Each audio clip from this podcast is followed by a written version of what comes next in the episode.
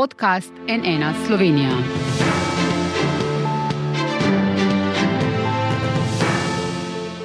Dobar dan, to je NN studio. Čeprav je letošnji maj za zdaj precej hladnejši od lanskega, prav tako nimamo sušnih razmer, pa to ni nobeno zagotovilo, da v prihajajočem poletju po Sloveniji ne bodo postošili požari. Po lanski katastrofi na Krasu je vlada kupila štiri letala za gašenje Air Tractor. Prvo je že pristalo na Brniškem letališču in to celo prej, kot je bilo napovedano. Drugo prihaja v juniju, preostala dva pa prihodnje leto. Kdaj bo Air Tractor lahko začel gasiti, kdo ga bo upravljal, kje bo zajemal vodo bo ob vse bolj ekstremni poletni suši in vročini lahko preprečil ponovitev takšnih prizorov, kot smo jih spremljali lani. Z nami v studiu je vršilec dožnosti generalnega direktorja uprave za zaščito in reševanje, gospod Leon Behin. Dobar dan, dobrodošli. Dobar dan. Pa če začneva kar eh, s prejšnjim mesecem, ko ste vi z obramnim ministrom Marjanom Šarcem podpisali, podpisovali pogodbo o nakupu Air traktorjev, takrat je bilo napovedano, da boste prvi letali v Sloveniji junija. Eno pa je zdaj že prišlo. Kako to, a ste želeli pohiteti v primeru, da bi recimo kakšna suša prišla že prej kot običajno? Um, ni to bil poseben razlog. Naša želja je itak, da se dobavijo letala čim prej, uh -huh. iz čisto enostavnega vzroka, kaj ti potrebno je narediti še veliko aktivnosti. Ni dovolj, da samo letalo pride. Letalo je dan praktično včeraj priletelo. Pred prevzeme smo delali že tudi v Španiji pred tednom dni. Dokončno bomo zdaj naredili ta kvalitativni pregled še kar nekaj časa. Potrebno je registrirati letalo. Še veliko bolj mogoče kot sama registracija letala je pa ključno usposobitev posadk in pa tudi dobiti dovoljenje za izvajanje gašenja, uh -huh. kar je sigurno v tem primeru najzahtevnejša aktivnost. Uh -huh. Temu še prideva, ampak eh, kdaj pa bo to prvo letalo, ki je zdaj tu že pripravljeno za delovanje? Ne? Ker minister Šarec je rekel, da zagotovo boste poletela še pred začetkom požarne sezone. Ja, to je sigurno naš cilj. Uh -huh. uh, letalo, kot ste, kot ste sami povedali, je že v Sloveniji. Zdaj ga bomo registrirali v slovenskem civilnem registru, prileteli seveda z začasnimi španskimi oznakami, glede na to, da je pač uh, od proizvajalca. Uh, po sami tej registraciji se že v mesecu maju lahko rečemo, grejo prvi piloti na šolanje, zato da pridobijo osnovna znanja o letenju s tem letalom.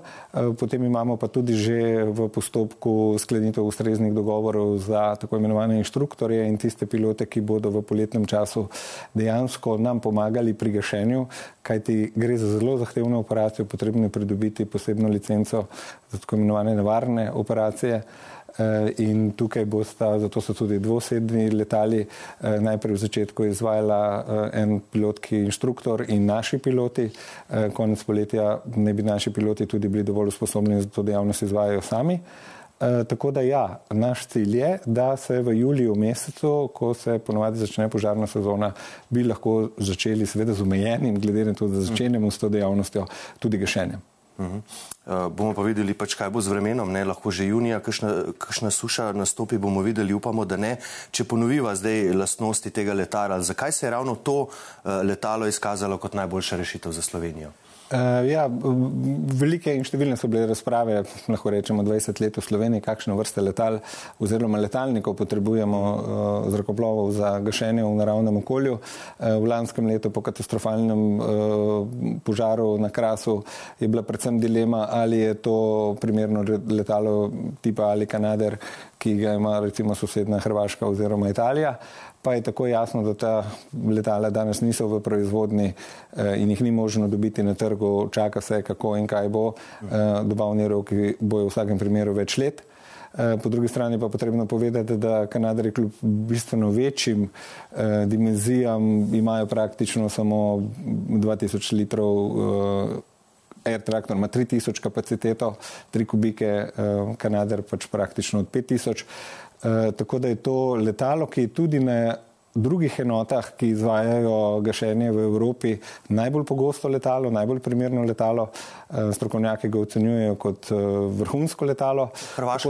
Hrvaška jih ima, imajo jih eh, tudi v Cipru, Franciji, Španiji in tako naprej. In tudi sedaj v dogovoru in pogovorih z dobaviteljem je bilo jasno povedano, da se predvideva samo nakup se strani evropskih držav, tudi strani evropskega mehanizma 30, približno 30 letal v prihodnih letih enakega tipa. Mhm. Vas pa moram to vprašati, zato ker je vaš predhodnik gospodar Kobut Julija Lani uh, dejal, pa ga bom kar citiral, ne, na upravi smo analizirali potrebe in ugotovili, da so helikopteri tiste stvar, ki jo naša država potrebuje. Ne.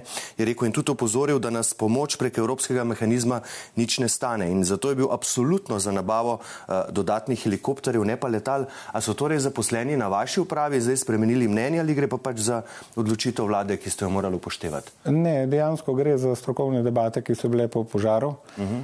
uh, tudi izrečene. De, dejstvo je, da so helikopteri seveda zelo primerni tudi za gašenje na našem okolju.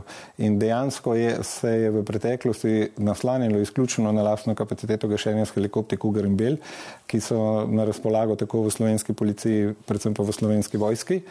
In to je bilo razmišljanje, da se seveda uh, ta dvonamenskost, ki jo zagotavlja helikopter tudi za neke druge vrste reševanja in izvajanja osnovnih operacij slovenske vojske in slovenske policije, seveda lahko eh, primerno. Absolutno. Pa, ukolikor gremo na zagotavljanje lastnih namenskih kapacitet, so pa to vrstni letalniki zelo primerni, tudi cenovno so približno 4-5 cenejši, uh -huh. kot je eno od primernih helikopterskih eh, um, eh, kot je helikopter. Eh, hkrati pa potrebno povedati, da so kapacitete gašenja in hitrost odmetavanja vode, kar je en ključnih v tem primeru, povsem neprimerljive in v korist air traktorjev v primerjavi s eh, vrečami in na helikopterjih. Uh -huh. uh, zdaj, ob tem še velja omeniti, da tudi Spartan ne dobi modul poseben za gašenje, ampak ta bo šele naslednje leto, ne, če prav razumem. Da, uh, treba je tudi vedeti, da letalo Spartan je vojaško letalo namenjeno pač transportu, absolutno se bo vključovalo lahko in dobi tudi poseben modul, drugačen kot je bil viden v lanskem letu v Republiki Sloveniji. Gre za petkubični modul, ki eh, se lahko gasi, vendar pa so propozicije tega letala seveda lahko samo kot pomoč in je neprimerljiv, eh, kar se tiče eh, karakteristik z air traktorjem. Ministr Šarec je takrat v podpisu pogodbe dejal, da se začne nova doba boja z naravnimi katastrofami v Sloveniji, da je to začetek postavljanja sistema, kot ga še nismo imeli, da pa mora omogočiti predvsem preprečevanje tako velikih razsežnosti požarov, kot je bil ta lanski največji uh, doslej v Sloveniji. Kako bo torej zdaj deloval ta sistem, ki bo pod vašim okriljem v bistvu pod upravo za zaščito in reševanje? Ja, ta sistem uh, je treba povedati, da bo bistveno drugače deloval, kot deluje danes. Zato je tudi izbor primernega zrakoplova bistveno drugačen, kot mogoče nekdo razmišljal v, v Kanaderju, kot zelo velikem letalu oziroma helikopterjih, ki to gasijo. Namen tega letala je, da se aktivira takoj že v samem pojavu požara, kar pomeni, da je naš cilj za to namensko enoto, ki jo imamo, da so 24-7 v času poletne sezone tudi pripravljeni in so že z napolnjenim rezervarjem na usrednjem letališču. Kar pomeni, da če se pojavi požar na Krasu ali pa kjerkoli drugot v Sloveniji, letalo vzleti istočasno, kot je bil javljen požar v času požarne ogroženosti. In ta, to letalo naredi ali odmet ali samo preventivni, ampak ključno je, da on pride v 10-15 minutah na požarišče. Vsi naši dosedani načini gašenja so bili bistveno drugačni, da so se seveda najprej uh, na teren poslale gasilske enote, okolikor gasilci niso bili uspešni, to je največkrat bilo ocenjeno seveda po nekaj časa, pol ure, eno uro in dokler so prispele te kapacitete, je menilo več ur in takrat je bil obseg požara bistveno večji. Zato so tudi lahko kanaderi bistveno drugače gasili, kot gasijo v tem primeru, kar pomeni, da uh, tukaj je čisto enostavna filozofija, istočasno proženje gasilske enote na terenu in zračne enote za gašenje v tisti najbolj uh, uh, izpostavljeni sezoni. Um, In da se zatre požar že v začetku, in da nimamo takih situacij, kakršno smo imeli lani. Ja, pa potem je bilo treba čakati še na pomoč iz tujine, ne, je tudi, kar je tudi trajalo kar tako. nekaj časa, ne, da so prišla. Dejstvo je, da pri požarih je tako, da uh, vi večino požarov, 99% požarov se da zelo hitro, spoh če so odkriti ob nekih primernih pogojih. Je pa dejstvo, da tudi uh, ob nekih ekstremnih vremenskih pogojih, burje in vsega ostalega zrakoplovi tudi v začetni fazi ne morejo pomagati gašenju.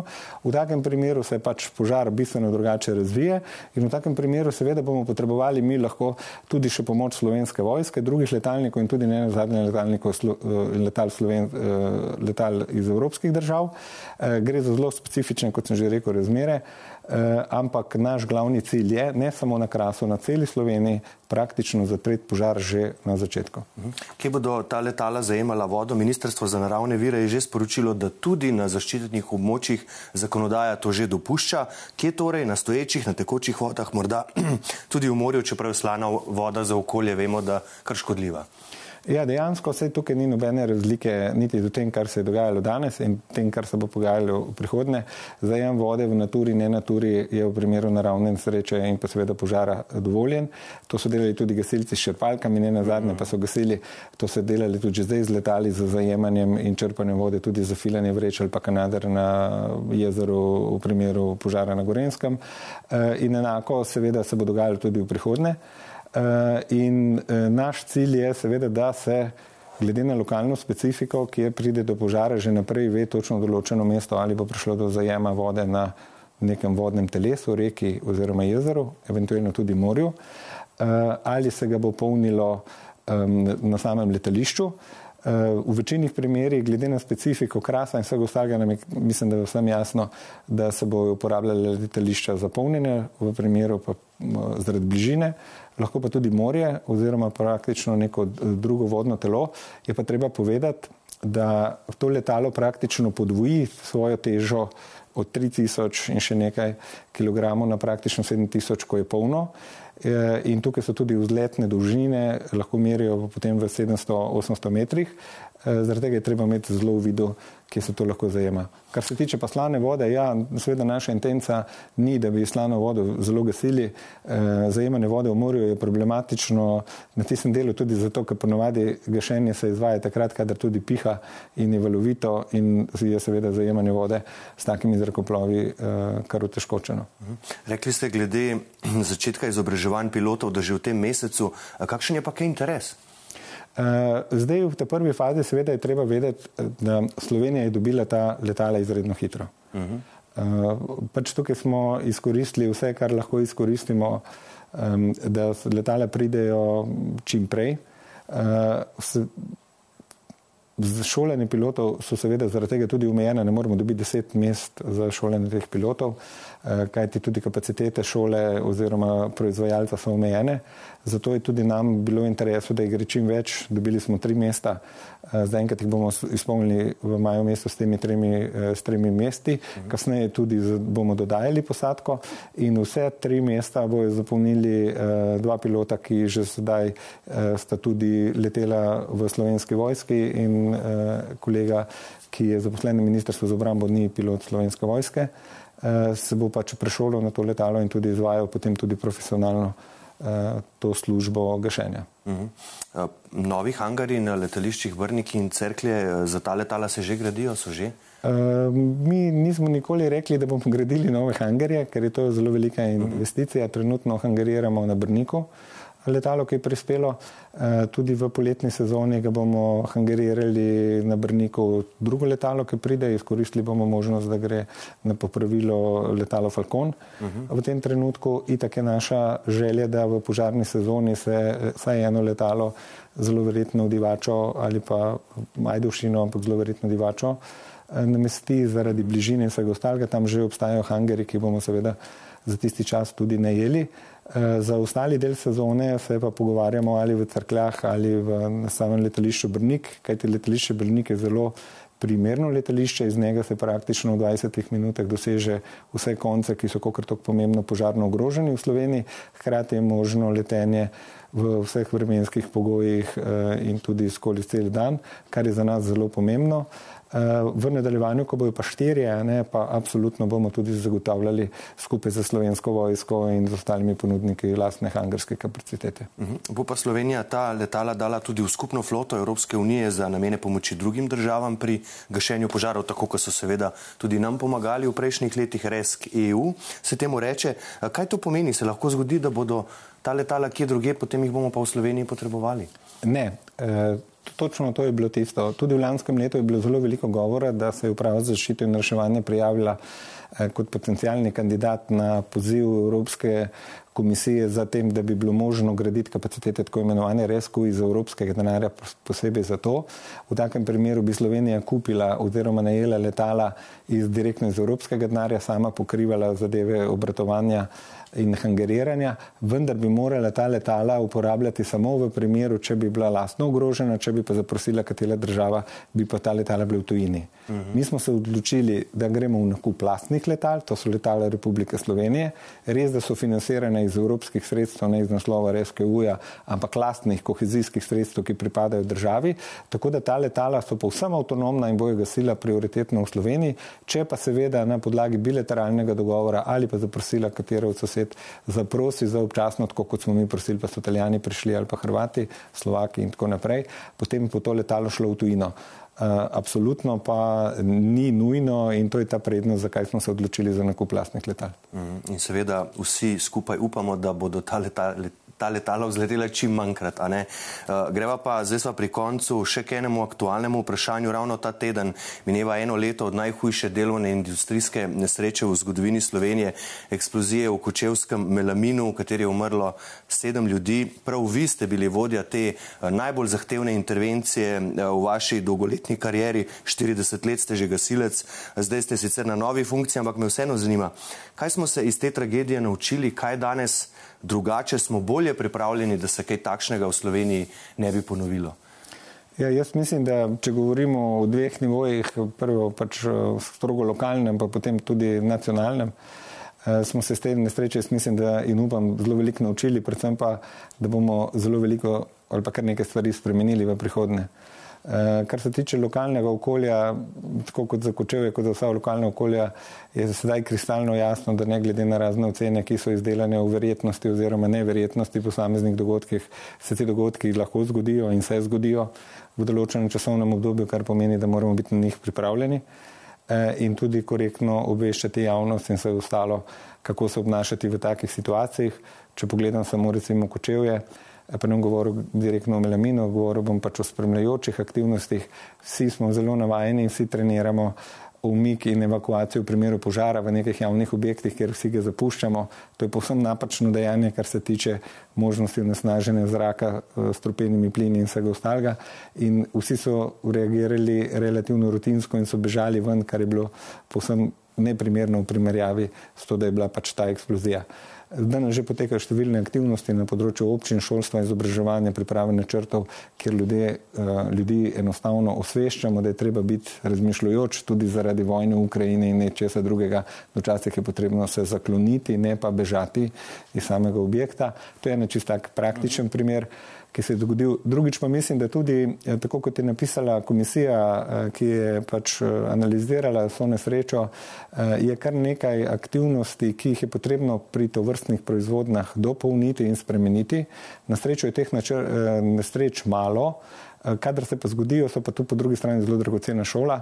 Eh, zelo se lepo vidi, kakšni morajo biti rezervari, odmiki, kdaj se to lahko dela, kjer je varnostni, kakšno mora biti usposabljanje zaposlenih, eh, kako se mora predvideti tudi verižnost reakcij, kar pač v večini primerov v Evropi ni primer, ne samo v Kočevju, eh, in da je potrebno dopolniti in izobraziti ljudje tudi z opremo, ki mora biti specifična za posamezne vrste. Tako da šol je veliko, jaz samo upam, da ne bomo prehitro pozabili tovrstnih, eh, tovrstnih nesreč, predvsem zaradi ljudi, ki živijo v okolici oziroma ki živijo v vplivnem območju. Dobro, več o tem pa seveda v posebni vdaji, ki še prihaja ta teden ob obletnici eh, nesreče v Melaminu. Za danes pa, spoštovani gospod Behi, najlepša hvala, da ste prišli na NN. Ja, najlepša hvala tudi vam.